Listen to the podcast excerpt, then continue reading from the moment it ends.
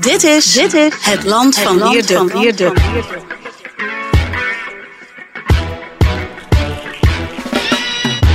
Een podcast van de Telegraaf met analyses op het nieuws die u elders niet hoort. Dat is de realiteit. En dan gaan de media die gaan het hebben over isla eh, islamofobie. Terwijl de, de, moslims massaal de straat op gaan om tegen Israël en tegen de Joden te, te ageren. Dat, dat is toch onvoorstelbaar. Met Wierde en Robert Ophorst. Hij lag helemaal achter in een archiefkast onder een dikke laag stof. Maar de productie heeft hem toch gevonden. De, de oude begintune met mijn naam erin. Ik ben er weer eens, Wiert. Robert, Robert, wat hebben we jou heel lang niet gezien. Ehm, maar ja, de andere drie mogelijke presentatoren, die, die zijn er allemaal Ja, niet. ik, eh, ik heb mijn plaats, Wiert. Ik kom weer helemaal achteraan het rijtje. het. Maar je hebt het ook heel druk op donderdag altijd. Ik, vind- ik vind het leuk om hier weer eens te zijn. Nee, ik zat even te Ja. kijken. De laatste keer was volgens mij eind januari van dit jaar. Zo, zo lang geleden Dus dus al. tien maanden geleden. Nou, er is een hele hoop gebeurd in de tussentijd. En daar gaan we het allemaal over hebben vandaag. We gaan even tien maanden hier eh, samenvatten. Nee hoor, maar ik zat nog wel even te kijken. Volgens mij, een van de laatste keren dat, dat ik hier zat, toen hadden we het nog over. Meen ik mij te herinneren hoor, maar eh, corrigeer me als het niet zo is, trouwe luisteraars. Over, eh, over de, de, de- in, in Noord-Holland wa- was er toen wat te doen om eh, reclames in bushokjes, onder andere en op abris voor, voor Mm. vlees, Mm.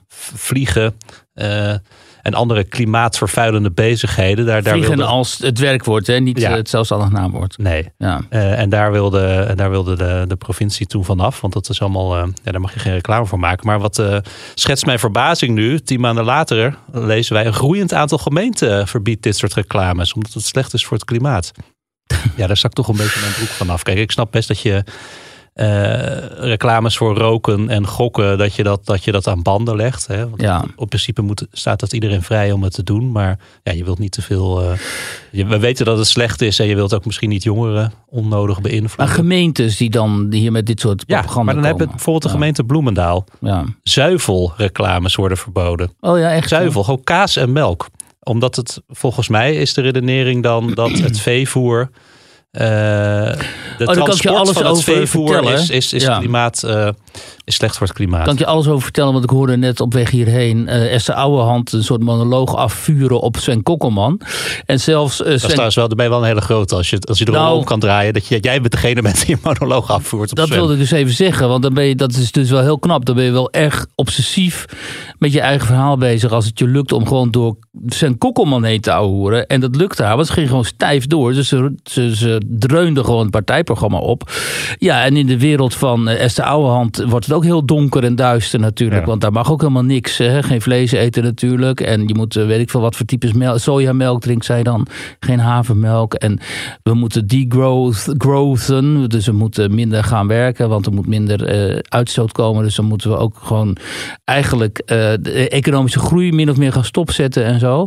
En daarin. ehm, en dat zijn natuurlijk een aantal jaren geleden waren dat nog hele radicale programma's. En het was ook allemaal marge. Dus dat was gewoon fringe. Dat kon dan af en toe eens een keer opzetten bij verkiezingen. En dan dacht je, oh ja, wat grappig. Dat soort eh, activisten heb je ook nog en zo. En verder weet je, besteedde je er geen aandacht aan. Maar, eh, en daar hebben we het al vaker over gehad hier. eh, het, het bestuur in Nederland en de politiek en ook de media en zo is, is zo enorm geradicaliseerd in die afgelopen tien maanden. Nee, nou in de afgelopen jaren. Ook in de tien maanden dat jij er niet was. Dat ehm, eh, inderdaad gemeentes dus nu dit soort propaganda verspreiden onder, ehm, onder de bevolking. En daarnaast komt nog natuurlijk. ehm, nou ja, kijk, en op zichzelf, hè, er is helemaal niks slechts natuurlijk met minder vlees eten en zo. Dus dat is best wel een vreemde gewoonte dat wij zo krankzinnig veel eh, beesten hier hebben rondlopen op die weilanden, die uiteindelijk eh, moeten zorgen, die uiteindelijk geslacht gaan worden. En ook nog eens een keer in, hè, niet zelden in hele slechte omstandigheden. De- daar ben ik het best wel mee eens. Ik ben ook. Ja, ben je ook voor krimp van de veestapel? nou, ik vind dat een deel van die veestapel natuurlijk best wel, dat kan natuurlijk best wel minder. Zoveel hoeft het nou Ik u noteer, ik noteer hem even. Ja, ja, weet je, ook omdat eh, heel veel van die producties helemaal niet voor Nederland bestemd is. Dus je gaat gewoon naar het buitenland. Dus wij hebben er last van en dan gaat het vervolgens naar het buitenland. Dus, maar waarom moet het altijd op zo'n debiele, radicale manier worden aangepakt? Dat kan natuurlijk ook gewoon op een, op een zinvolle en redelijke uh, manier. Ja, bovendien vind ik ook van, hè, uh, er zijn een hele hoop problemen waar gemeentes mee kampen en waar ze, waar ze voor in het leven zijn geroepen. En onder andere het openbaar vervoer, daar valt echt nog wel een hele hoop aan te verbeteren in heel veel gemeentes. En in plaats van dat ze daar zich dan mee bezighouden, uh, richten ze hun energie en aandacht op, op bushokjes. Nou, dat is hier natuurlijk het hele punt. Hè. Die gemeenten houden zich ook altijd bezig met regenboogbuzhokjes Ja. en regenboogzebrapaden en zo. Terwijl ze gewoon het OV en dat soort zaken niet op orde hebben. En eh, bi- bibliotheken allemaal verdwijnen en zo. Ja, en terwijl... als er dan uh, leuzen worden gescandeerd over het vernietigen van Israël, dan geven ze opeens niet thuis. Ja, maar dan daar gaan we het zo misschien is nog wel over hebben. Die Nee, is- heeft geen veld of wegen te Ja, bekennen. nog één dingetje. Het, het gaat behoorlijk ver. Ja, ik, ik had me niet kunnen voorstellen eh, een jaar geleden of een paar jaar geleden of tien maanden geleden dat, dat ook eh, reclame voor kaas en melk verboden zou worden. Maar in Lochem was ook nog een motie ingediend en die heeft het uiteindelijk niet gehaald. Maar om ook ultrabewerkt voedsel eh, reclame daarvoor te gaan verbieden. Dus dan moet je denken aan vleesvervangers en Ja. energiedrankjes. Want ultrabewerkt voedsel, dat, eh, volgens sommige studies is dat niet goed voor ons. Maar nu las ik gisteren bij ons in de krant notabene een stuk... dat het met de schadelijkheid van het ultrabewerkte Ja, voedsel wel een, weer eh, meevalt. was weer een nieuw onderzoek. Dus als je de, de reclames in de bushokjes wil controleren... dan moet je ook voortdurend de wetenschappelijke studies bijhouden... wat nou wel en niet schadelijk is. Wiert, we gaan het eh, hebben over eh, Israël. Uiteraard gaan we het hebben over Israël, zou ik willen zeggen. Maar ook over oudere Nederlandse Joden met wie jij sprak. We gaan het hebben over de verkiezingen en de campagnes. Daar heb je het nodig over te zeggen. En we bespreken de sloopkogel van het linkse Arnhemse college. eh die Ja. inwoners slapeloze nachten en hartklachten bezorgt. Hoe dat zit, vertel jij straks. Eerst Israël. Ja, eerst maar even een, een, een heel teleurstellende tweet van eh, Zineb El Razoui. Weten we nog? Dat was die dame die destijds bij eh, eh, Charlie Hebdo de dans ontsprong. Zeg jij dat nog iets? Nou, Charlie Hebdo natuurlijk wel, maar zij was een medewerker. Ja, zij was, zij was er toen net niet, weet je wel. En ehm, zij is Dus op de dag dat feminist- daar de hele redactie zo'n beetje werd afgeslacht, Precies. had zij net een, een snipperdag. Ja, zij was toen net niet. En eh, zij was dus redacteur bij Charlie Hebdo. En ehm, zij is toen dus die moordpartij. En die moordpartij heeft ze kunnen ontsnappen. En sindsdien reist ze eigenlijk de wereld rond. Zwaar beveiligd trouwens ook. Ze is ook een keer in de Bali geweest. Dat was er ook heel veel gedoe en zo. En, debatcentrum eh, in Amsterdam. Precies. En zij reist de wereld rond om mensen te wijzen op het eh, gevaar van de radicale islam. Maar wat schetst mijn verbazing, maar ook weer niet. Dat is dat zij bij een foto van eh, Justin Trudeau, die een, ehm, een restaurant moet ver- verlaten. Ik neem aan dat het in eh, Toronto is. Ehm, omdat daar pro-Palestijnse activisten hem enorm lastigvallen. En dus, nou ja, zo'n onveilige situatie ontstaat dan. En dan moet Trudeau moet daar weg. En dan schrijft zij van, kijk, hier is... ehm, Trudeau die vol met schaamte het, een restaurant moet verlaten, want, en dan zegt ze, eh en laissant, nou, dat is in het Frans, maar door Israël de Palestijnen massaal te laten eh, eh, afslachten, zijn westerse leiders zoals Joe Biden, Macron en Rishi Sunak ook schuldig en hebben ook bloed aan hun handen. En met de hashtag ceasefire. En dan in heel veel hersenpannen ontstaat nu totale kortsluiting natuurlijk. Omdat deze dame werd, net zoals Ayaan, zeg maar, binnengehaald als een held uit het allochtone milieu. Hè, die, die had de islam afgezworen, althans in ieder geval die radicaal, nou ja, de islam volgens mij sowieso. Had zich aangesloten bij Charlie Hebdo, hè, zo'n zo'n satirisch eh, weekblad. En dan krijg je opeens zo'n anti-Israëlische tweet. Maar was die kortsluiting ook in jouw hersenpan? Nou, die, die niet. Omdat mij de afgelopen weken sinds 7 oktober duidelijk is geworden dat dat anti-Israëlische sentiment, dat ook vaak grenst aan antisemitisme trouwens, door alle rangen en standen en etniciteiten en politieke voorkeuren loopt. Dus zowel bij moslims als bij eh, extreem links als bij extreem rechts natuurlijk. En die vormen nu een hele onheilige alliantie, eh, zogenaamd tegen het, tegen het zionisme. Hè, dat, is, dat, is dan, dat gebruiken ze dan telkens, want als je zionisten zegt in plaats van joden, dan is dat legitiem, zeg maar. Je mag anti-zionistisch zijn, maar dan ben je niet antisemitisch, semitisch, weet je wel. En dan, eh, dat is ook, ook zo hilarisch altijd. En dat ook zij daar dan, een vrouw met Noord-Afrikaanse eh, wortels, dus Arabisch, eh, opgegroeid ongetwijfeld in een cultuur waarin over de Joden, de Joden, eh, altijd werd geklaagd als de, zeg maar, de koloniserende macht die de arme moslims en de arme Palestijnen eh, onderdrukte. Dat zij dan ook uiteindelijk op deze manier kleur bekend. ehm, dat verbaast me niet, maar het laat dus wel zien. Het laat dus wel zien hoe vreselijk militant deze, deze mensen zijn. En hoe ingewikkeld de situatie voor uh, de Joden is. En dan Mhm. kunnen we het even gaan hebben over het stuk wat ik schrijf voor de komende zaterdag. Je zou ook nog kunnen zeggen, zij heeft misschien terechte kritiek op de manier waarop Israël zich probeert te verdedigen. Ja, alleen ehm, dan trap je dus in het frame van de anti-Israëlische activisten die zeggen dat Israël daar ruksigloos ook burgerdoelen eh, bombardeert. Ik las net nog op Twitter ook een mevrouw die dan tegen mij zei van hoe kun je verdedigen dat zij daar dat ziekenhuis bombarderen?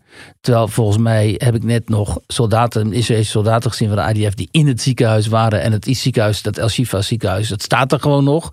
Daar is ook helemaal geen, heeft, daar is rond om dat ziekenhuis gevochten, maar er heeft niet een bombardement plaatsgevonden.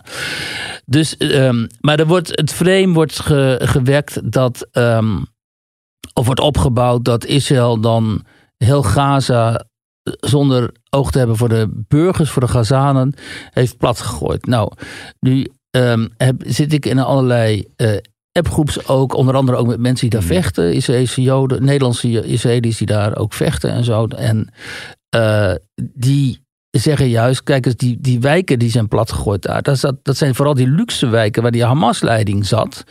Je kent ze wel, met die mooie grote huizen en zo. Degene die nog niet uh, naar uitgeweken zijn naar, naar de paleizen in Qatar. Ja, precies. Dat, dus het, zeg maar de onderknuppels die nog net niet naar Qatar, maar natuurlijk wel hoopten dat ze op een gegeven moment ook naar Qatar zouden mogen om daar een leven in luxe te leiden met al die miljarden die ze hebben. Um, en die, die, die gasten zeggen ook, ja, maar dat is dat hele vreemd. Dat klopt gewoon niet in die westerse nieuwsmedia. En, um, nou, dat vind ik trouwens wel interessant, want dat was ook mijn vraag aan jou. Hoe volg jij deze oorlog? Want het is natuurlijk heel lastig, sowieso voor de normale nieuwsconsument al. Ja. Om, te, om, om, alle, om wijs te worden in alle, wegwijs te worden in alle beelden. Nou, dat hebben we natuurlijk ook de afgelopen weken gezien. Dat zelfs uh, media als de NOS soms uh, onverdroten Hamas-propaganda verspreiden. Als het gaat om uh, toen dat, dat bombardement. dat, vliegtuig, dat, dat vermeende bombardement op het ziekenhuis. Ja, en dat doen ze permanent. Hè. Dat, en, kijk, ik, dus, maar hoe volg jij het? Nou, vooral via de uh, sociale media en dus via dit soort appgroepen ja, en maar zo. Dan zit jij dus ook in appgroepen van mensen die daar of zelf uh, op de grond uh, actief zijn of contact hebben direct met mensen die er zijn. Ja, en ik heb gewoon en ik heb heel veel contact dagelijks met mensen binnen de, uh, de Joodse en Israëlische gemeenschap. En die hebben natuurlijk ook allemaal hun bronnen en zo. Ik bedoel, die mensen hebben vaak ook gewoon verwanten die daar aan het vechten zijn. Ja. En dus dan hoor je heel veel. En ik weet ook wel, zo langzamerhand, en dat, andere journalisten weten dat natuurlijk ook wel, wie je kunt vertrouwen, welke uh, nieuwsbronnen en uh, welke niet. En dan is het echt verbijsterend, moet ik zeggen. Zoals gisteravond meen ik, dan kijk ik dus toch maar weer eens een keer naar het NOS-journaal. En dat begint dan dus met dat de Israëli's dan, de IDF is dan dat, dat ziekenhuis binnengetrokken. Kijk, en ik zou dat nieuws zo brengen van uh, de Israëlische IDF, hè, het leger, heeft het ziekenhuis Al-Shifa bevrijd van Hamas-terroristen die zich daar schuilhielden, volgens Israëlische legerwoordvoerders. En ze gaan nu verder met het opschonen van uh, verdere terreurnesten daar in Gaza. Maar hoe, begint, hoe opent het NOS-journaal? Goedenavond. Het moet voor patiënten en artsen angstaanjagend zijn geweest. Gewapende Israëlische militairen die in het holst van de nacht met tanks een ziekenhuis binnengaan. Het Al-Shifa ziekenhuis in Gaza-stad. Waar op dat moment honderden patiënten, zorgpersoneel en vluchtelingen vastzitten. Israëlische tanks zijn het El-Shifa ziekenhuis binnengereden. Um, er is grote paniek en bezorgdheid onder personeel en patiënten. Dat, ik bedoel. Ja, dus er wordt consequent het, het gezichtspunt van uh, de Palestijnen en soms zelfs van Hamas gekozen. Er wordt consequent het, inderdaad van, van de Palestijnen en van Hamas. En er, gaan natuurlijk, er rijden natuurlijk aan geen tanks daar dat ziekenhuis binnen. Er staan hoogstens panzervoertuigen. Die brengen natuurlijk die soldaten daar naartoe. En misschien staan er omheen nog wat tanks opgesteld. En zo. Maar die rijden natuurlijk niet dat ziekenhuis binnen. En uh, bovendien kwam een groot deel van die uh, Israëlische soldaten. Die kwamen met uh, medicamenten en andere verzorgingsspullen. Uh, en, die gaan, en ook uh, couveuses en zo, dat soort dingen. Dus dat je dan dat die patiënten en dat personeel bang is, Mhm. voor een deel, is natuurlijk logisch. Want ze zijn bang in, een, in vuurgevechten te verzeild te raken en zo. En dan Maar je moet ook even melden natuurlijk dat eh, bekend is dat Hamas zich daar tussen die eh, eh, patiënten en zo en, en het personeel ook schuilhoudt. Nou ja, dat probeert natuurlijk Israël nu ook aan te tonen en daar bewijs voor te leveren aan de wereld dat dat zo is. Hoe overtuigend dat bewijs is, daar kan je misschien nog nou, dat was niet echt overtuigend van het, hè, wat ze gisteren lieten zien uit El Shifa Ik denk, ziekenhuis. dan, ik denk dat ze wel tegenviel. Het was natuurlijk mooier geweest als ze konden zien. Hier is het, het- de ingang van de tunnel en Echt, daar is het eh, hoofdkwartier. Ehm, overigens over die couveuses. Ja, dan zeggen ze daar in dat ziekenhuis. Ja, hartstikke bedankt. Maar wat wij nodig hebben is diesel. Want als we geen diesel hebben, en dat is er nu niet. Dan kunnen we ook die couveuses niet eh, Ja. aanzetten. Nou ja, helaas heeft Hamas dus al die diesel eh, nodig voor, om die raketten te blijven afvuren op Israël. Dan zouden ze ook tegen Hamas kunnen zeggen: jullie zijn hier de baas, althans het waren jullie. Geef ons eh, die diesel. En het is, maar het is sowieso, het is allemaal zo raar. Dan zie je dus die beelden van baby's die dan eh, worden eh, geëvacueerd zeg maar, uit het ziekenhuis. En dan zegt de nieuwslezeres bij de NOS van schokkende beelden. Pas op, disclaimer en zo. En wat zie je dan gewoon?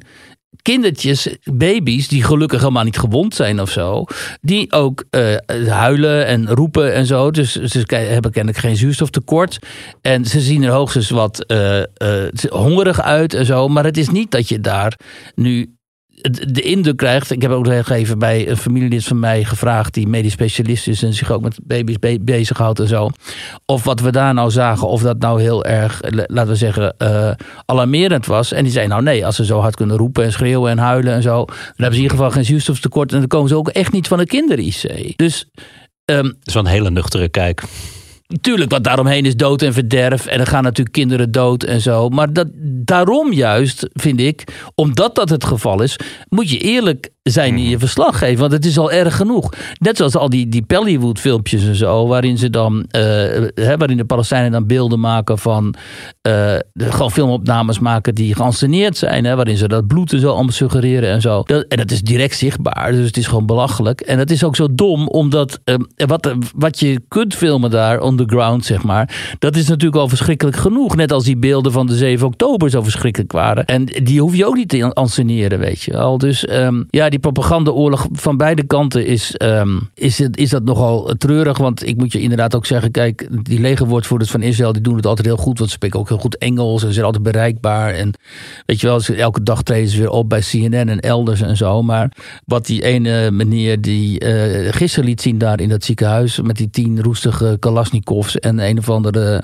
weet ik veel, eh, eh, een of andere zak waarin terroristen dan hun spullen zouden hebben verborgen en zo. Dat was natuurlijk totaal niet indrukwekkend gezien wat ze eigenlijk hadden aangekondigd, dat namelijk daar het commandocentrum zich zou bevinden. Maar ja, wie weet komt dat nog, of wie weet vinden ze dat ergens anders. Ik bedoel, je kunt niet ontkennen dat daar honderden kilometers tunnel onder Gaza lopen en dat die gasten, die Hamas-terroristen, zich daar eh, eh, verbergen. Dus Ehm, dat, dan zie je ook weer dat mensen op, op Twitter bijvoorbeeld, vooral veel moslims trouwens, proberen om ons wijs te maken dat, dat, dat ook dat helemaal niet zou bestaan of zo. En Even misschien Ja. voor de beeldvorming, want je zegt net, ik heb veel contact met, eh, met, met Joodse Nederlanders en, en eh, Joden daar misschien ook wel. Maar heb, heb je ook contact met eh, Palestijnen?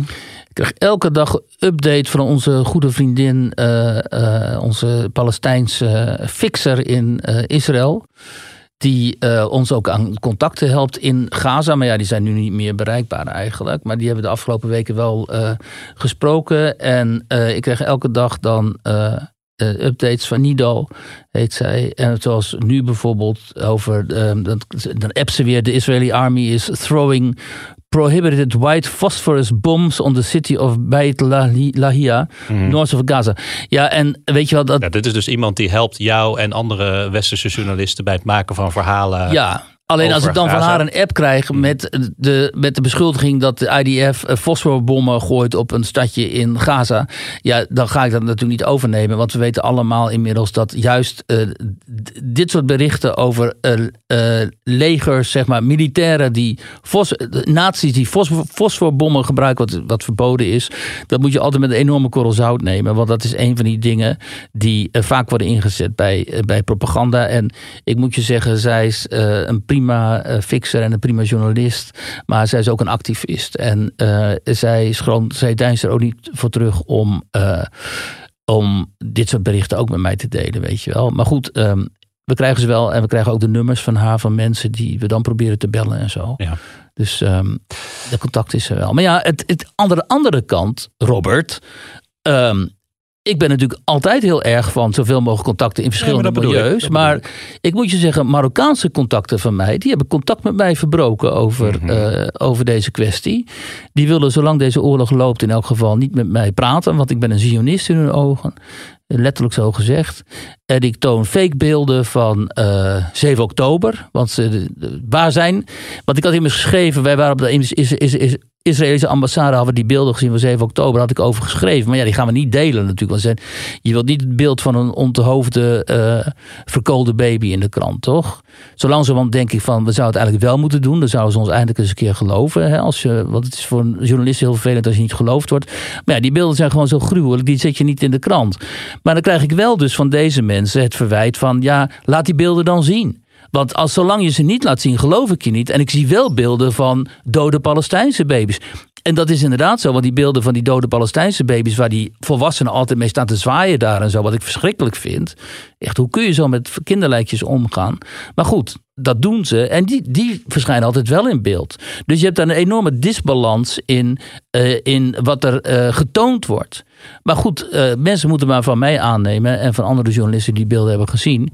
dat het allemaal heel, heel, heel heftig was en zo. Maar ja, en als je dat niet wilt en dan contact met mij verbreken... ja, je staat er vrij in. Maar ik vind dat heel teleurstellend. Maar ja, Hierin zie je dus hoe dit conflict ook eh, door zeg maar eh, vriendengroepen en zo heen loopt. En ook daar zijn sporen trekt. Mhm. En ja, dat vind ik wel. Weet je, natuurlijk denk je daarover na. En dan denk je ook na van waarom kunnen dan bepaalde mensen wel die afstand tot zo'n conflict nemen en toch op een min of meer eh, rationele en eh, eh, objectieve min of meer manier daarover nadenken en daarover praten. Met, alle tegenstrijdige gevoelens die daar ook bij komen Precies, kijken met alle tegenstrijdige heftige gevoelens en zo. En, en, en anderen kunnen dat niet. Hè? En dan kun je links sturen en teksten sturen en foto's en zo. Dan zeggen ze, en dan is het antwoord, ik kijk er niet eens naar, ik lees het niet. Ik, wil, ik zie alleen maar die dode Palestijnse kinderen voor me. En eh, ik wil er niks meer over horen. Ja, nou ja, dan houdt het op. Laten we het gaan hebben over dat eh, verhaal eh, waar jij mee bezig bent. Vertel er eens wat meer over. Ja, ik heb deze week een aantal. ehm, nou ja, ik hoorde natuurlijk vanuit Joods, Joodse gemeenschap dat oudere Joden die nog de Tweede Wereldoorlog min of meer bewust hebben meegemaakt. eh, als kind dan meestal natuurlijk. ehm, tegenwoordig. Dat die ook eh, dat die flashbacks krijgen en herinneringen aan die oorlog. Dus ik dacht, laat ik nou eens een aantal van hen gaan opzoeken en met hen praten en kijken hoe dat nou, ja, hoe dat nou bij hun land, zoals het tegenwoordig heet. En ja, dat is wel indrukwekkend, moet, ik- moet ik zeggen hoor. Want dan krijg je dus en die oorlogsverhalen weer. Ja, van mensen. En wat, gewoon- wat eh, wekt die beelden bij hen op? Is dat angst, Angst. voor dat, dat Ja. angst voor wat zij nu zien gebeuren? Nou ja, wat, wat, wat maakt hen bang? Nou ja, ze erkennen eigenlijk dat zij altijd in angst leven. En dat zij sinds die oorlog die angst altijd bij zich dragen. Hè, zoals eh, eh, een van hen zei van zo- zo'n oorlogservaring als, als een soort ernstig auto-ongeluk. Het is een ervaring die, die je meeneemt in je graf en die gaat nooit meer, dat gaat nooit voorbij of zo. Dat, Mhm. dat, hè, dat- dat is wel een hele plastische omschrijving. En waar zijn zij bang Maar- voor? Nou, ja, nou ja, het is dus hele irreële angst, of eh, eh, een beetje onbestemde angst, dat ze weer worden opgehaald. Want dit, dit zijn mensen die als kind eh, ofwel in onderduik hebben gezeten alleen, hè, dus dan ben je zes, zeven en dan verdwijn je opeens ergens en dan, dan krijg je twee, drie jaar lang word je van het ene adres naar het andere getransporteerd, zeg maar. Je weet niet waar je ouders zijn en je bent zes, zeven jaar oud, weet je wel. Dus dat is natuurlijk een afgrijzelijke eh verlatingsaffaire. dus verlatingsangst eh, speelt in de eerste... eh, en gewoon angst voor het gevaar dat jij weer wordt opgehaald. En wa- wat er nu bij hen speelt, los van die beelden waarin zij dan zien dat opnieuw een jonge generatie Joden wordt afgeslacht. Want dat is wat er op 7 oktober gebeurde. En daarom is het ook zo- ook zo essentieel voor de Joden, dat existentieel voor de Joden, dat wat daar gebeurde, dat is hun 9-11, weet je wel. En in, in nog verder doordenkend is dat gewoon hun een, tweede soort, een kleine holocaust, zeg maar. Omdat ze niet beschermd werden. En ze werden gewoon door dat soort nazi-types, eh, en in dit geval Hamas, maar het is dus geen verschil. Uh, uh, opnieuw afgeslacht tot en met de allerafgrijzelijkste martelingen en nou ja, noem maar op wat wij gezien hebben.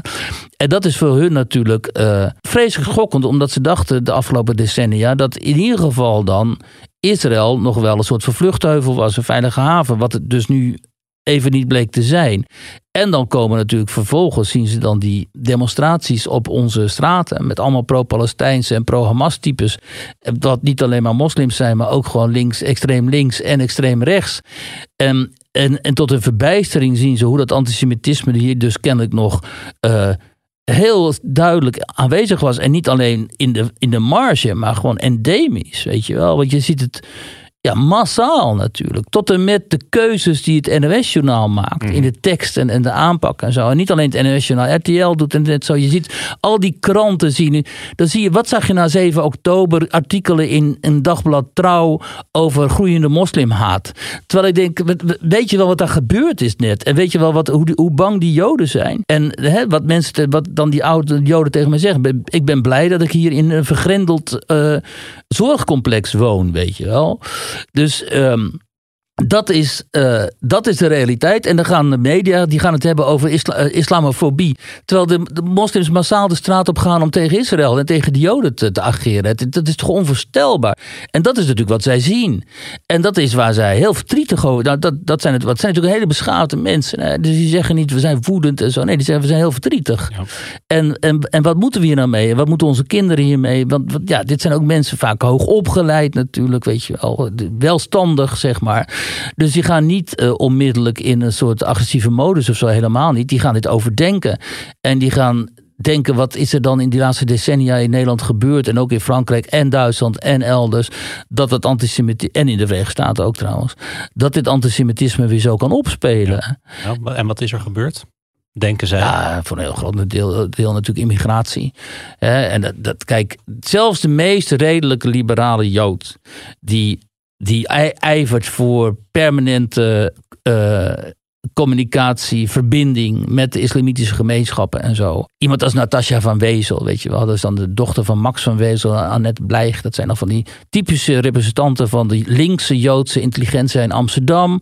En dankzij haar ouders is zij dan ook een beetje in dat milieu gekomen van de media en zo. En schrijft dan columns voor Het Parool. Nou, totaal woke allemaal en zo. En probeert altijd de verbinding te zoeken met haar islamitische vrienden en zo en zo. Zelfs zo'n meisje of jonge vrouw nu kan er niet onderuit om te zeggen, ja, er is ook gewoon een virulent islamitisch antisemitisme binnengekomen natuurlijk met de immigratie. En zolang, en dat is gewoon een feit.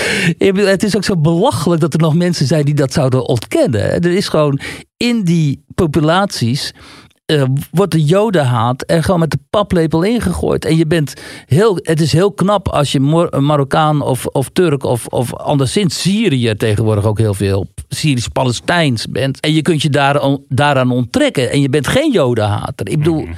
dus... Um, dus dat, dat erkennen deze mensen nu natuurlijk ook. En dan, ja, dan is het ook wel mooi om te zien. Ik sprak met één vrouw die heeft haar hele leven gewijd aan de, aan de vredesbeweging. En heeft ook hele goede contacten onder de Marokkaanse eerste generatie Marokkanen, wat zij 86, dus die, mensen zijn inmiddels allemaal oud natuurlijk. En zij heeft nog de hele tijd contact natuurlijk ook met die Marokkaanse vrienden met wie zij dan uh, in die beweging, en Palestijnse vrienden met wie zij in die beweging zat. En, uh, en die constateren ook dat die jongeren zo radicaliseren. En zij zegt ook, ja, met wie, met wie moet ik in godsnaam nu nog over vrede praten in de Palestijnse gemeenschap, in de Palestijnse beweging. Zij zat vroeger met Ed van Tijn, zat ze echt internationaal ook bij die besprekingen, ook over de Oslo-akkoorden en zo. Dus ze was gewoon, ze zat helemaal daar binnen, binnen dat uh, milieu. En ja, en zij moet, en ze is van D66, dus totaal links, progressief, redelijke Jood en zo. Ja, zij moet nu ook erkennen, ik zie niemand, weet je. Ik zie niemand met wie er nu nog te praten valt over, over vrede. Ja, en dat, en dat kun je de andere kant, de Palestijns-Arabisch-islamitische kant, zeer verwijten ook, vind ik. Dat vanuit daar ook. Wij hebben het ook geprobeerd. Ik heb geprobeerd, zelf heeft geprobeerd, de redelijke stemmen uit die moslimgemeenschap aan het woord te laten. Nou, we kwamen uit bij één of twee, geloof ik. Hè? En als ik nu zie hoe die ene dame, Laila, die wij toen in de krant hebben gehad, hoe die bejegend wordt op de sociale media. Is volstrekt redelijke Marokkaanse mevrouw, Marokkaans-Nederlands, uh, hoogst intelligent, hoofddoekdragend, uh, uh, religieus. Weet je wel. Alles is totaal redelijk en zo. En hoe zij dan door andere Marokkanen en Turken, nou islamieten zeg maar, wordt bejegend op sociale media. Ja, ze, bij, bij de beesten afgewoon. Waar wordt zij bejegend dan? Ja, uitgescholden. Bounty zus, bounty zo. weet zij, ik zij zou dan heulen met, heulen met de vijand. Ja, ze heult met de, met de, de, witte, de witte man. Mm. Daar komt het op neer, weet je. Wat, wat Asita Kanko, onze columniste, die zwart is. Wat haar altijd overkomt, dat ze altijd de bounty wordt genoemd. En, de, de, de, en het gaat ook altijd heel grof, hè, de kontlikker van de, van de witte man en zo. Ja, dat overkomt deze Leila nu ook. En dan zie je haar ook worstelen met... Uh, hoe ze moet antwoorden. Want ze is natuurlijk niet gewend. Die grofheid en die agressie en die botheid en die, echt het, weet je wel, dat opborrelende, uh, uh, nou ja, die opborrelende agressie bij die mensen. En dan moet zij een weg zoeken in haar antwoorden en zo. Um, en dat lukt natuurlijk niet. Dus daar is gewoon helemaal niet meer mee te praten. En um, ja, en dan, en dan uh, wat krijg je dan? Dat iemand als eh, Geert Wilders, die hier wel gewoon heel duidelijk over is, want al die andere partijen zijn er helemaal niet duidelijk over, ja, die gaat dan stijgen in de peilingen. Inderdaad, de PVV van Geert Wilders is volgens eh, in ieder geval INO eh, bezig aan opmars. 18 zetels hadden ze eerder in de peilingen. in, in, in de laatste peiling van INO zijn dat er nu 20. Ja. Nou, daarmee hijgen ze ook, uh, hijgen ze ook uh, GL PvdA in de, in de nek. Of PvdA ja. GL zeggen wij geloof ik. Ja. Van Timmermans. Uh, Wilders doet het dus goed, in ieder geval in die peilingen. Maar jij denkt dat komt ook voor een nadrukkelijk deel door zijn standvastige standpunt als het gaat om ja, ik denk de dat radicale islam. Want we, er wordt nu juist veel geanalyseerd van, nou, en dat heeft hij zelf ook toegegeven in een laatste debat, van nou, de islam is voor ons niet meer het thema. Mm het thema is voor ons het terugdringen van, of het, eh, of het eh, beteugelen van uh, migratie, en bestaanszekerheid. Ja. Kunt u zich voorstellen dat u onder een uh, premier kan dienen in het kabinet die van Turkse afkomst is? Ja, want ze is, zeker kan ik me dat voorstellen. Ze heeft een dubbele nationaliteit. En zij heeft zelf ook aangegeven dat ze ermee bezig is om daarvan af te gaan. Dus ik denk dat dat toch de goede houding is. Maar dat zou kunnen werken tussen jullie? Dat zij dan nou ja, ik, ik heb natuurlijk liever dat wij zelf de premier leveren. Ja. Maar ik zou helemaal geen problemen hebben. En dat wordt u dan voor de duidelijkheid, hè? Dat wordt niet iemand anders? Premier zou ik ja. zelf worden. Ja, ik denk zeker dat dat zo is. Omdat... Uh... Maar jij zegt dan eigenlijk van... Juist dat standpunt over de islam helpt hem nu. Kijk, mensen, voor de meeste mensen natuurlijk volstrekt duidelijk wat uh, Wilders van de islam vindt. En dat hij gewoon, en dat zegt hij ook als ik hem zie op tv en zo, zegt hij gewoon nog altijd minder, minder islam in Nederland. Want het, te veel islam, dat, dat is ondermijnend, dat hebben we gezien.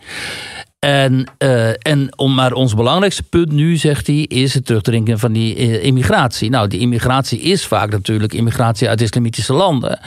Uh, dat snappen de mensen ook wel. En de veel mensen snappen ook heel erg goed dat er veel te veel instroom is geweest de afgelopen jaren.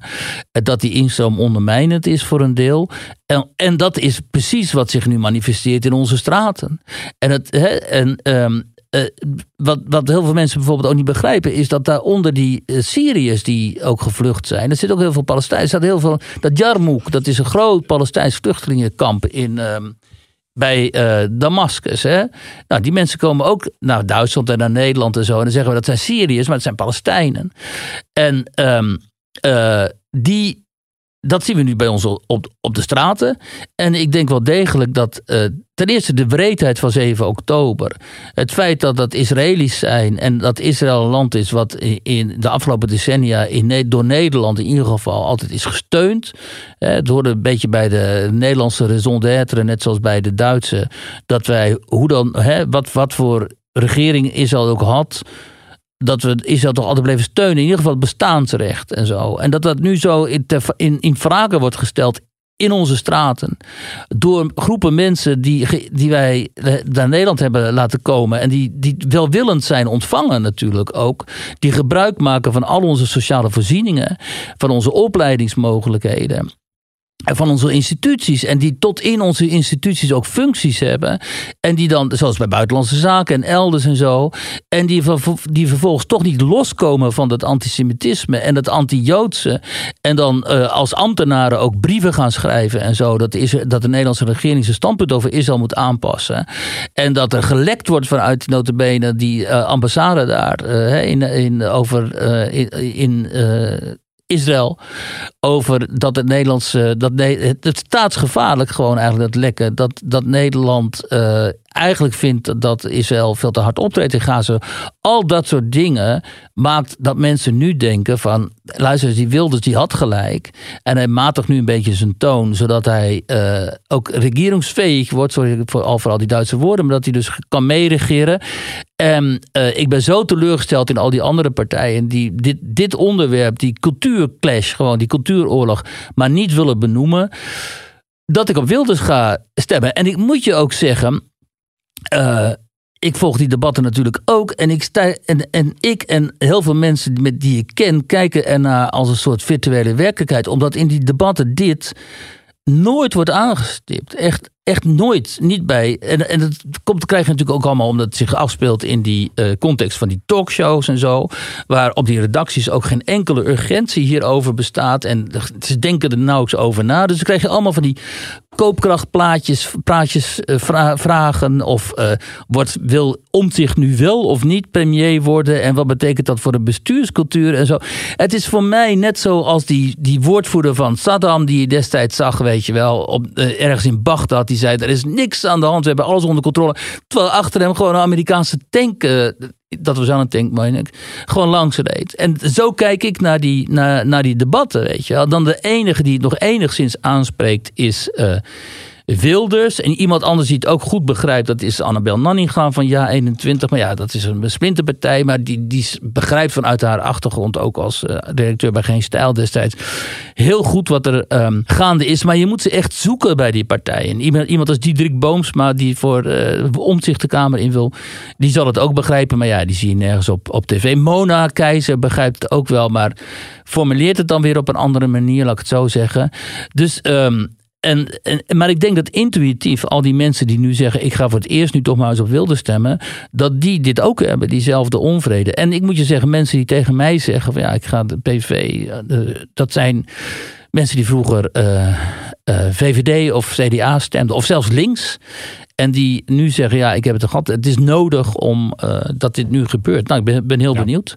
Toch hoor je bij links ook een ander geluid. Want Timmermans is best wel uh, stevig als het gaat om het benoemen ook van antisemitisme. Er wordt, ja. En uh, ook, ook benoemen hè, 7 oktober wat, wat daar voor verschrikkelijke slachtpartij is aangericht. Ja. Dat benoemt hij ook gewoon. Maar dat werd hem door de met name GroenLinks achterban niet in dank afgenomen.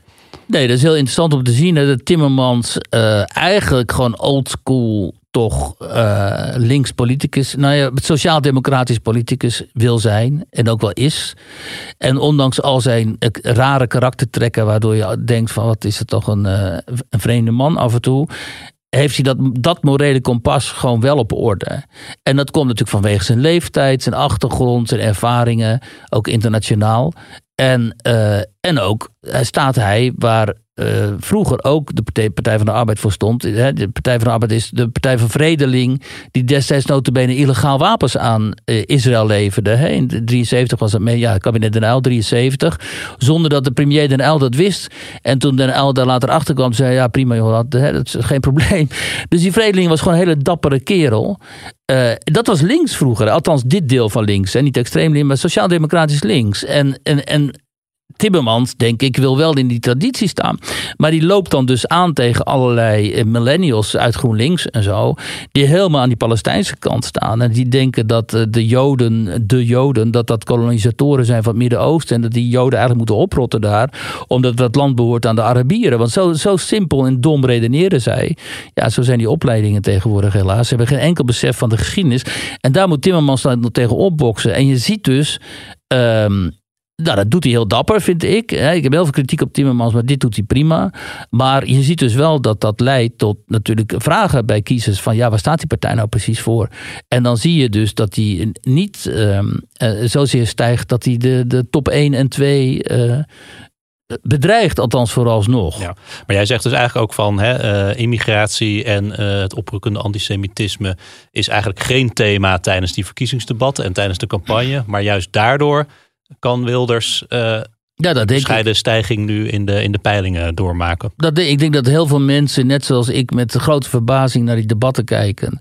En denken: vlees of vis, eh, wat moet ik ermee? En waarom zegt Omzicht niet, niet eindelijk eens een keer wie de premier wordt- wil worden? En Omtzigt had natuurlijk al lang moeten zeggen: Oké, ik wil premier worden. Ja, prima en zo, die belangrijke rol van de Kamer. En ja, dat vind ik ook allemaal best en zo.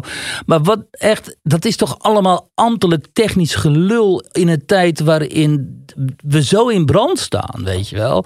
Dan had hij moeten zeggen: Jongens, we gaan het ook nog hebben over dat die Kamer een hele belangrijke rol moet spelen en zo. En dat de regering in dienst staat van de Kamer. Maar nu ga ik eerst even tegen jullie zeggen: ik wil premier worden. En als ik premier word, gaan we dit en dit en dit regelen. En we gaan niet accepteren dat er antisemitische demonstraties in onze straten lopen. We gaan heel duidelijk, eh, duidelijk maken wat onze identiteit is, wat onze cultuur is, wat, welke beschaving wij hier te verdedigen hebben. Hoe we dat gaan doen. En dat we niet gaan tolereren dat er eh, eh, achterlijke types uit culturen hier binnenkomen.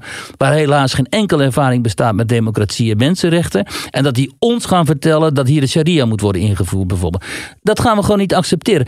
Als hij dat nou eens had gedaan, had hij nu op 30 zetels ge- gestaan. Had hij al die zetels die nu, nu naar Wilders gaan, had hij ook nog eens een keer Het meegepikt. is behoorlijke duidelijke taal, maar toen hij aangaf dat hij een mogelijke coalitie zou zijn, een beetje over rechts of over rechts. Ja, dat mocht Wilders niet meedoen. En maar, maar ja, maar vervolgens eh, gingen ze tot, eh, tot in de hoogste regionen van die partij dat nuanceren en toch weer. eh, Oh, vre- Ja, maar ze hebben daar een, voorzitter, die heeft een verleden bij GroenLinks. Dat is de partijvoorzitter, weet je. En ik weet niet of je de nummer twee hebt gezien. Vroonhoven heet ze, geloof ik. Hè? Ja, weet je, ik bedoel, dat over. Ja, dan, dan overtuigt nog meer. Hè? Ik ben. Ik vind de standpunten van Forum van Democratie, zeker ook over Israël en over de NAVO en Poetin en zo, allemaal verwerpelijk. Mensen verwijten altijd van, "Huh, waarom vind je eh, Forum van Democratie eh, niet oké? Nou, hierom. Omdat je niet als democratische Nederlandse partij een, virulent anti-NAVO standpunt kunt innemen. Anti-Amerikaans. Ik bedoel, wel we kunnen het oneens zijn met de Am- Amerikaanse regering en met wat, wat er tegenwoordig vandaan komt. Maar Amerika is onze, veruit onze belangrijkste bondgenoot. En je kunt niet een anti-Amerikaans programma gaan voeren en, eh, en gaan heulen met, met, met Poetin. Weet je. Dat, dat, dan plaats je jezelf gewoon buiten de orde. Je kunt het doen, maar dan ben je gedoemd, wat mij betreft, tot een bestaan in de marge van de Nederlandse en eh, Europese politiek. En je moet in ieder geval nooit mee gaan regeren, want dat soort types wil je gewoon niet in je regering hebben. Dit over Forum voor Democratie. Maar ze zijn wel oneindig veel moderner in bijvoorbeeld hun aanpak van de sociale media en de manier waarop ze TikTok gebruiken, in de manier waarop ze zich presenteren aan jongeren en zo, dan zo'n dan zo'n zo'n nieuw sociaal contract met, hoe- een, hoe- met een mevrouw op twee Ja. die geen enkele uitstraling heeft. maar hoe gebruiken zij TikTok bijvoorbeeld? Want ik zit er niet op. Nou, allemaal van die geinige filmpjes maken ze dan. en zo. Ik bedoel, kijk, mijn dochter die volgt het allemaal. Die is nog jong genoeg om dat allemaal te volgen. En die, ja, die, die moet ontzettend lachen om Thierry bijvoorbeeld. Weet je? Die maakt dan van die grappige filmpjes en dan staat hij weer. Dus dat is, dat is een hele moderne aanpak om die jongeren te bereiken. Nou, had je het net over eh, Nederlands-Marokkaanse vrienden van jou die geen contact meer met jou willen. En Ja. die ook tegen jou zeggen, nou laat die beelden dan zien van eh 7 oktober. Ja. Want eh, zolang we geen, niet meer beelden zien is het misschien wel helemaal niet gebeurd. Nou is Baudet ook iemand die heel nadrukkelijk eh, het waarheidsgehalte van eh, 9-11 in twijfel Ja, trekt. dat is natuurlijk verschrikkelijk. Dat, en, en al die kids die gaan eraan mee. Die gaan er ook denken, oh nee, dat Dus is het me best zorgwekkend dat, dat hij jongeren zo weet aan te spreken middels gekke filmpjes. Wat Ja, dat is. Kijk, je hebt bijvoorbeeld die, die, die, die Jackson Hinkel. We hebben het al vaker over gehad in, de- in, de, in de podcast. Dat is een gemist. Is Amerikaanse dat? twintiger. Die gozer is ook nog maar ergens in de twintiger. Die heeft inmiddels bijna 2,5 miljoen volgers op Twitter. En die gozer die, die post bijna uitsluitend fake nieuws daar. Over Palestina, over Israël. Eh, gewoon eh, artificial eh, AI ge- ge- geproduceerde filmpjes en zo. Hij deint nergens voor terug. Want als je 3 euro betaalt, dan krijg je ook krijg je toegang tot, zijn, tot al zijn content, zeg maar. Dus die gozer die loopt gewoon binnen op fake nieuws.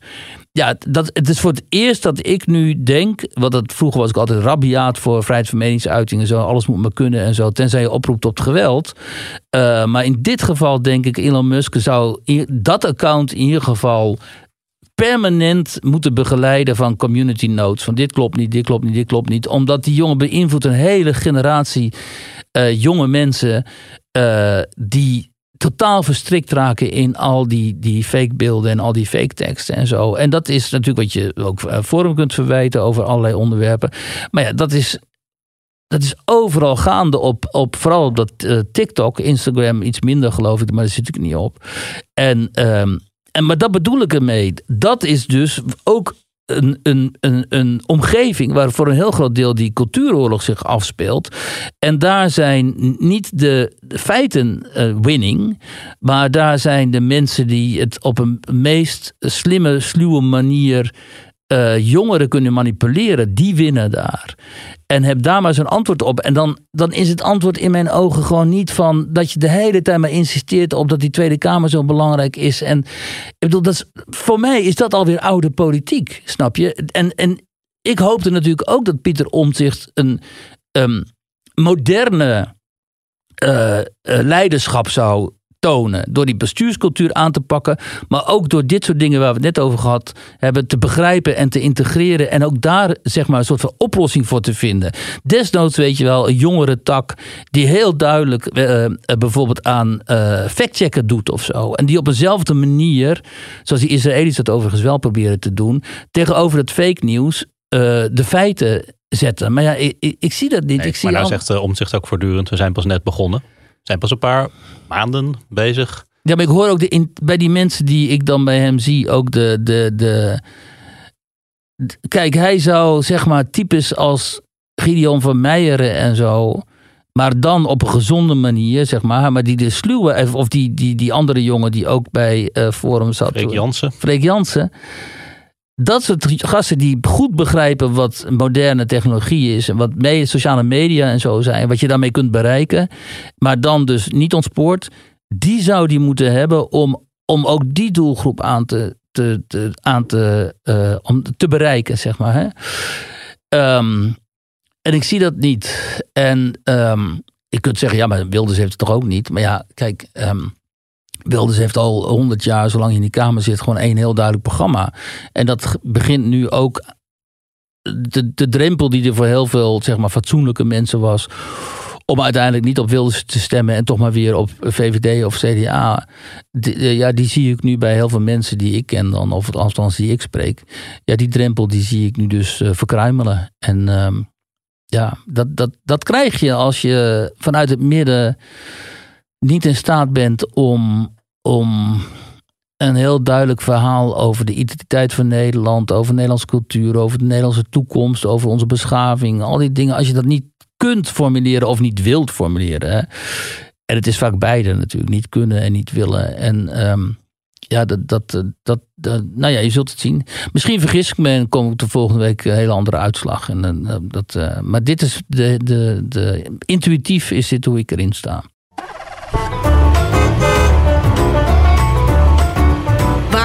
Was Wiert. De onrust van de buurtbewoners van de Schaapsdrift in Arnhem was groot toen er vorige week een brief op de mat viel van de gemeente Arnhem, waarin staat dat ze hun huis alleen nog maar aan de gemeente mogen verkopen. Volgens de wethouder kan dat niet anders. Nou, dit middel is uh, belangrijk uh, om te kijken hoe we op dit uh, gebied een goed plan kunnen maken. En dat willen we gaan doen omdat we met een wooncrisis te maken hebben en we hebben plekken nodig waar we woningen kunnen gaan realiseren. En we willen daarin ook regie hebben. En dat betekent dat we daarin het wet uh, voorkeursrecht uh, gemeente hebben ingezet. En wat betekent dat voor de mensen die daar nu wonen? Nou, dat betekent op dit moment, we hebben een brief gekregen van de gemeente, uh, alle eigenaren, dat uh, als zij een huis uh, zouden willen verkopen, dat ze daar eerst voor naar de gemeente moeten komen, omdat de gemeente dan de mogelijkheid heeft om het huis te kopen. Hartproblemen, duizelingen, slapeloze nachten. Bewoners van de Schaapsdrift in Arnhem die bezwijken bijna onder de stress. Uh, oorzaak zijn de saneringsplannen die het college heeft met een wijk, schreef jij deze week in jou uh, in Nederland. Ja. Uh, de buurt moet worden vernieuwd en verduurzaamd. Nou, dat is een eufemisme voor deels gesloopt. Je kent het wel, hè? Ehm, jij was daar. Neem ons even mee. Als je de Schaapsdrift binnenrijdt in Arnhem, wat, wat voor wijk zie je dan? dan zie je een best wel diverse wijk met ook wel mooie huizen. En, maar ook lelijke. Maar Waarvan ook, je denkt, gooi die sloopkogel er maar tegenaan. Dat linkse college heeft het over Klein België. En dan bedoelen ze dus de rommeligheid en de, de diversiteit in de bouw. Er hangt daar ook nog zo'n zo'n bedrijventerrein aan vast. Wat inderdaad, dat zeggen deze mensen trouwens ook, best gesaneerd kan worden. En waar ook nieuwbouw zou kunnen worden gepleegd. Uh, dus um, dus dat. Maar het is niet, een, het is niet de, de Afrikanenwijk of zo. Of in Rotterdam, weet je wel. Waar je echt die verpaupering wel zag en ziet. En waarin je echt wel ziet dat daar uh, ook armoedeproblemen zijn. En zo. Dat, dat, zie je daar niet. Um, ja, dit is voor mij eigenlijk wel een verbijsterend verhaal. Omdat um, om in allerlei opzichten. Wat daar aan de hand is, is dus dat de, het hele erg linkse college in Arnhem dat is echt super links. Die uh, hebben een woningbouwopgave, zoals wel meer gemeentes natuurlijk. En die moeten 16.000 woningen gaan bouwen. En die zeggen, we gaan niet in het groen bouwen. We kunnen niet bijna niet bouwen tussen de Veluwe en de Betuwe. Dus we moeten in de stad bouwen. En dat wijkje daar, die Schaapsdrift, wat dan weer onderdeel is van een grotere wijk. Dat leent, die leent, dat leent zich daar prima voor. Dus uh, we gaan dat saneren en we gaan slopen. En wat schetst nu mijn verbazing, en ook vooral van die, van die, van deze, van die bewoners... en daarom ging ik er ook naartoe. Op een gegeven moment in maart, op een vrijdagavond in maart, komt er dan een koerier bij hen langs en die geeft hen een brief. En die zegt van, joh, vanaf vanavond 12 uur rust een WVG op je woning. En dat, en dat is... betekent, de wet uh, voorkeursgemeente, dat betekent dat jij op, vanaf dat moment je huis niet meer zomaar iedereen mag verkopen. Maar als jij je huis wil verkopen, moet dat aan een gemeente. Ja, en dan is het een prettig weekend. Ja, dan is het een prettig weekend verder. Maar, maar serieus. Uh, dus, dus mensen waren A, verbijsterd natuurlijk. En vervolgens, de, de, de, daar wonen mensen van, ook van 70, 80 en zo. Die hebben daar hun hele leven gewoond. Die raken natuurlijk helemaal in paniek. Mm-hmm. Die denken, wat, wat, ik snap dit niet. Nee, wat, zijn misschien ook wel mensen die helemaal geen plan hebben om te verhuizen en een woning te verkopen, toch? Nou, dat ook, hè? maar ze weten dus dan op dat moment nog niet van: uh, is dit nou, betekent dit nou dat ik mijn woning moet verkopen? Of wat betekent dit nou? Want die uitleg die, uh, die, uh, die zat er ook niet in. Hè? Het is een wet voorkeursrecht gemeente heet het. Hè? En, um, en, en bovendien had de gemeente een aantal, aantal, groot aantal woningen aangewezen. Die zouden moeten worden gesloopt. Dus die mensen kregen te horen, ja, jouw woning die uh, gaat gesloopt worden, we kopen je uit, dat is de boeren zeg maar, en je moet ergens anders naartoe. En dan heb je dus te maken met mensen die daar al decennia wonen, die daar gelukkig zijn, die hun kinderen daar hebben opgevoed, uh, op laten groeien, die daar herinneringen hebben, die bevriend zijn met elkaar, want er is best veel gemeenschapszin in die wijk en zo. En er wordt gewoon tegen hun gezegd, ja, wegwezen, daar komt het op neer, want we gaan nieuwbouw net zoals in die wijk in Rotterdam, weet je nog, waar toen uiteindelijk de alleroudste inwoonster, die mevrouw die ik toen ook een paar keer heb gesproken, ook voor de krant, is daar gewoon aan overleden. En als ik nu door die wijk rijd, dan is het gewoon, die wijk is gesloopt. En dat was een hele, hele echte authentieke volkswijk. Met die man, die kale man, weet je nog, die alleen maar Feyenoord shirts droeg. Elke dag een ander Feyenoord shirt. En die ging gewoon op de koffie bij zijn Turkse buurvrouwen en zo. En iedereen ging daar leuk met elkaar om. De Surinaamse meneer, die nam daar het heft in handen. Die oude dame, de typische autochtone dame met de geschiedenis in, familiegeschiedenis in Zeeland en zo. Zeeuwen die naar Rotterdam waren gekomen in de haven te werken. Zij bleef daar wonen en ze moest ook uit die woning. Uiteindelijk heeft ze het opgegeven en is gewoon komen te overlijden. En iets soortgelijks zie je nu dus in, in, in deze wijk. Maar ja, deze mensen zijn in opstand gekomen. Dus die hebben een vereniging uh, gesticht. En die, die accepteren dit niet. En dan moet je je voorstellen dat op, op een aantal van die woningen van mensen die ik uh, van de week sprak, ook op een avond, uh, rustte dus die VVG. En dat niet alleen. tegen hem was ook gezegd, ja, jullie gaan ook gesloopt worden. Vervolgens een jaar later of zo, of anderhalf jaar later, gaat die VVG eraf hoeven ze niet meer gesloopt te worden. Dus die mensen denken ook, ik heb anderhalf jaar niet geslapen. Um, ik wist niet wat er met mijn huis zou gaan gebeuren. Het is mijn privé-eigendom. De gemeente die onteigent mij zo ongeveer. En vervolgens zegt de gemeente van... oh nee, toch maar niet. Jij niet, maar jij wel. Was ook een paar van die mensen die bij mij aan tafel zaten... of nou niet bij mij, maar bij eh, daar, waar ik was. En die zeggen, ja, bij mij is de WVG er niet af. Sterker nog, mijn huis wordt gesloopt. Dus we moeten eruit. En dan spreek je dus over een mevrouw bijvoorbeeld die dan, een, haar man is een gitaardocent en die geeft gitaarles in het huis. En die heeft de kelder helemaal omgebouwd, want hij heeft ook nog een band. En dan oefent hij met die band in die kelder en zo. Ze hebben een tuin. Hun dochter woont weer thuis. Ik bedoel, en die zeggen ook, waar vind ik dan een alternatief ergens in Arnhem? En eh, een andere mevrouw, die al 67 is, maar er veel jonger uitzag trouwens, die vertelde, haar man en zij trokken het meer. Want die man, zij was op een gegeven moment tijdens de raadsvergadering op de publieke tribune was helemaal geëxplodeerd, was helemaal gescheld en, en tieren en zo. Dus toen werd iedereen een beetje bang voor haar. En haar man die was geïmplodeerd, zei ze, die kreeg hartklachten notabene. En op een gegeven moment hebben zij gezegd, jongens, eh, we gaan niet langer vechten. We verkopen ons huis aan de gemeente. Dus dat hebben ze dan eh, daadwerkelijk verkocht. Nu woont ze in een andere wijk waar ze helemaal niet wil zijn. Ze wil eigenlijk terug, maar ze kan niet terug. En dan zegt ze, dan fiets ik door die oude wijk van mij. En dan vermijd ik om ons, langs ons oude huis te fietsen. Want dat doet me te veel pijn. Want ik kan het, ik kan het gewoon niet, aan. Hoe kan in godsnaam nou een overheid zo met zijn burgers omgaan? Ik bedoel, als je ergens dan de kloof tussen burgers en, en, en burgerij, burgerij en bestuurders wilt zien. Nou, dan is dit wel. Dit zijn allemaal hele fatsoenlijke middenklasse mensen, weet je wel. Je, de typische Nederlander in een, in een eh, redelijk grote provinciestad. En die worden zo kapot gemaakt. En het? door de GroenLinkse wethouder. Wat, wat, wat zegt de wethouder hierop? Die wijkt geen duimbreed. Dat is dus weer typisch zo'n GroenLinkse mevrouw. Je kent ze wel.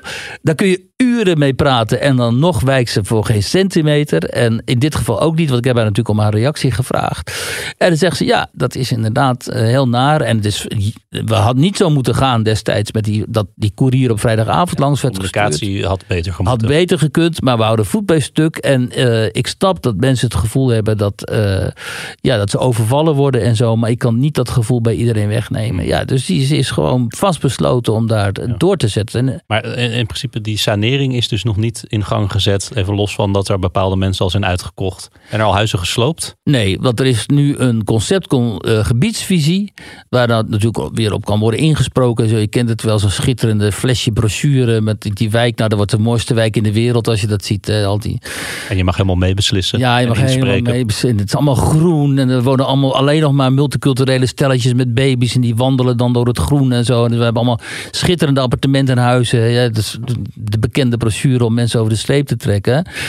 En, ehm, en er wordt dan binnenkort een definitieve gebiedsvisie dan naar de raad gestuurd. En die raad die moet dan nog eh, daarover besluiten natuurlijk. Eh, en in die gemeenteraad, ik heb eh, oppositie gemeenteraadslid gesproken van het CDA. Ja, ik moet zeggen, die, was ook, die houdt zich hier al heel lang mee bezig. Want dit speelt natuurlijk al langer. En die is ook wel verbijsterd hoor. Die heeft ook zoiets van, ja, dit is gewoon onbehoorlijk bestuur. Het is gewoon burgerhaat. Dat die term viel. En dat, ja, weet je, de- en ik denk dat toch veel mensen zich nog altijd niet realiseren. Als je een links college krijgt, eh, go woke, go broke. Als je dus zo'n links college krijgt, ja, dat zijn toch uiteindelijk allemaal mensen met een half communistisch, socialistisch verleden en zo. Die hebben het niet zo privé-eigendom. Dat moet maar wijken voor het collectief en voor de, de- het algemeen belang en zo. Nee, ja, net zoals die Esther Houwehand, die ik dan hier hoorde kletsen toen op de radio toen ik hier naartoe kwam. Ja, die houden niet zoveel rekening met eh, individuele burgers, maar meer met eh, het belang dan in dit geval van, van de stad. En dan moet, moet jij je huis er maar voor op. Nou ja. We hebben het de afgelopen jaren toch ook gezien in de landelijke politiek. Van eh, hef je huis maar op. Weet je wel? Of, of laat mensen die te groot wonen. die moeten hun huis maar weggeven aan grotere gezinnen. Ik beloof nog wel wat voor die eh, bouwopgave van eh, bijna een miljoen woningen die we voor 2030 moeten hebben gerealiseerd. Ja, nou ja. Dat, en daar gaat Hugo de Jonge over, geloof ik. Hè? Nou, nu Dus, nog eh, wel, maar in nieuw kabinet waarschijnlijk niet meer. Ja, ja, maar goed. Dat, eh, ik zou, ja, dat, dat gaat Nee, maar hier gaat gebeurt in het heel klein wat op heel veel plekken gebeur, moet gebeuren, toch? Er moeten, er moeten heel veel nieuwe huizen bij komen. Ja, zeker. Maar kijk, deze mensen zeggen immers ook van... joh, dat bedrijventerrein ziet er niet uit. Sloop dat. Zet daar huizen neer. Ga, bouw inderdaad de lucht in en zo. Ik, ik denk als je... Kijk, die, die, die, die linkse college wil natuurlijk ook niet bouwen in het groen. Kijk, ik woonde ooit, ik studeerde ooit in Groningen. Had je ook zo'n wethouder, Iepke Gietema. Sterke wethouder. Groningen had, Groningen had altijd van die sterke wethouders. En eh, die bouwden een hele nieuwe wijk. Maar niet in de stad, maar aan het Hoornse Meer aan de Hoornse Plas. Weet je wel, er verscheen dus een hele nieuwe nieuwbouwwijk. Nou, dat is inmiddels natuurlijk totaal geïntegreerd en zo. Ehm, eh, en ik neem aan dat ze daar ook destijds wel wat voor natuur voor moeten hebben opgeofferd en zo. Maar ja, als je dat niet wilt, als je denkt we willen geen groene opofferen, eh, dus we gaan in de stad bouwen. Ja, dan krijg je, hoe dan ook, loop je tegen problemen met bewoners aan natuurlijk. Dus ehm, kijk, en de vraag is natuurlijk of zo moet. Net zoals die, die- dat wijkje daar in, in, in Rotterdam. Het is natuurlijk over daar één grote verpauperde bende. Het is natuurlijk overduidelijk dat er van alles aan moest worden ge- gedaan. Maar om dan die mensen allemaal weg te sturen, de boel helemaal af te breken, nieuwbouw te plegen, waar die zij niet meer kunnen betalen. En vervolgens demografisch een heel, heel nieuw gebied daar neer te zetten. Ja, hoe, hoe, hoe, hoe ver is dat tegenover die mensen? Die al vaak in een kwetsbare positie verkeren en zo. Ja, ik, ik vind wel niet. Ik vind dat moet je met hen overleggen of je misschien tot andere oplossingen kunt komen.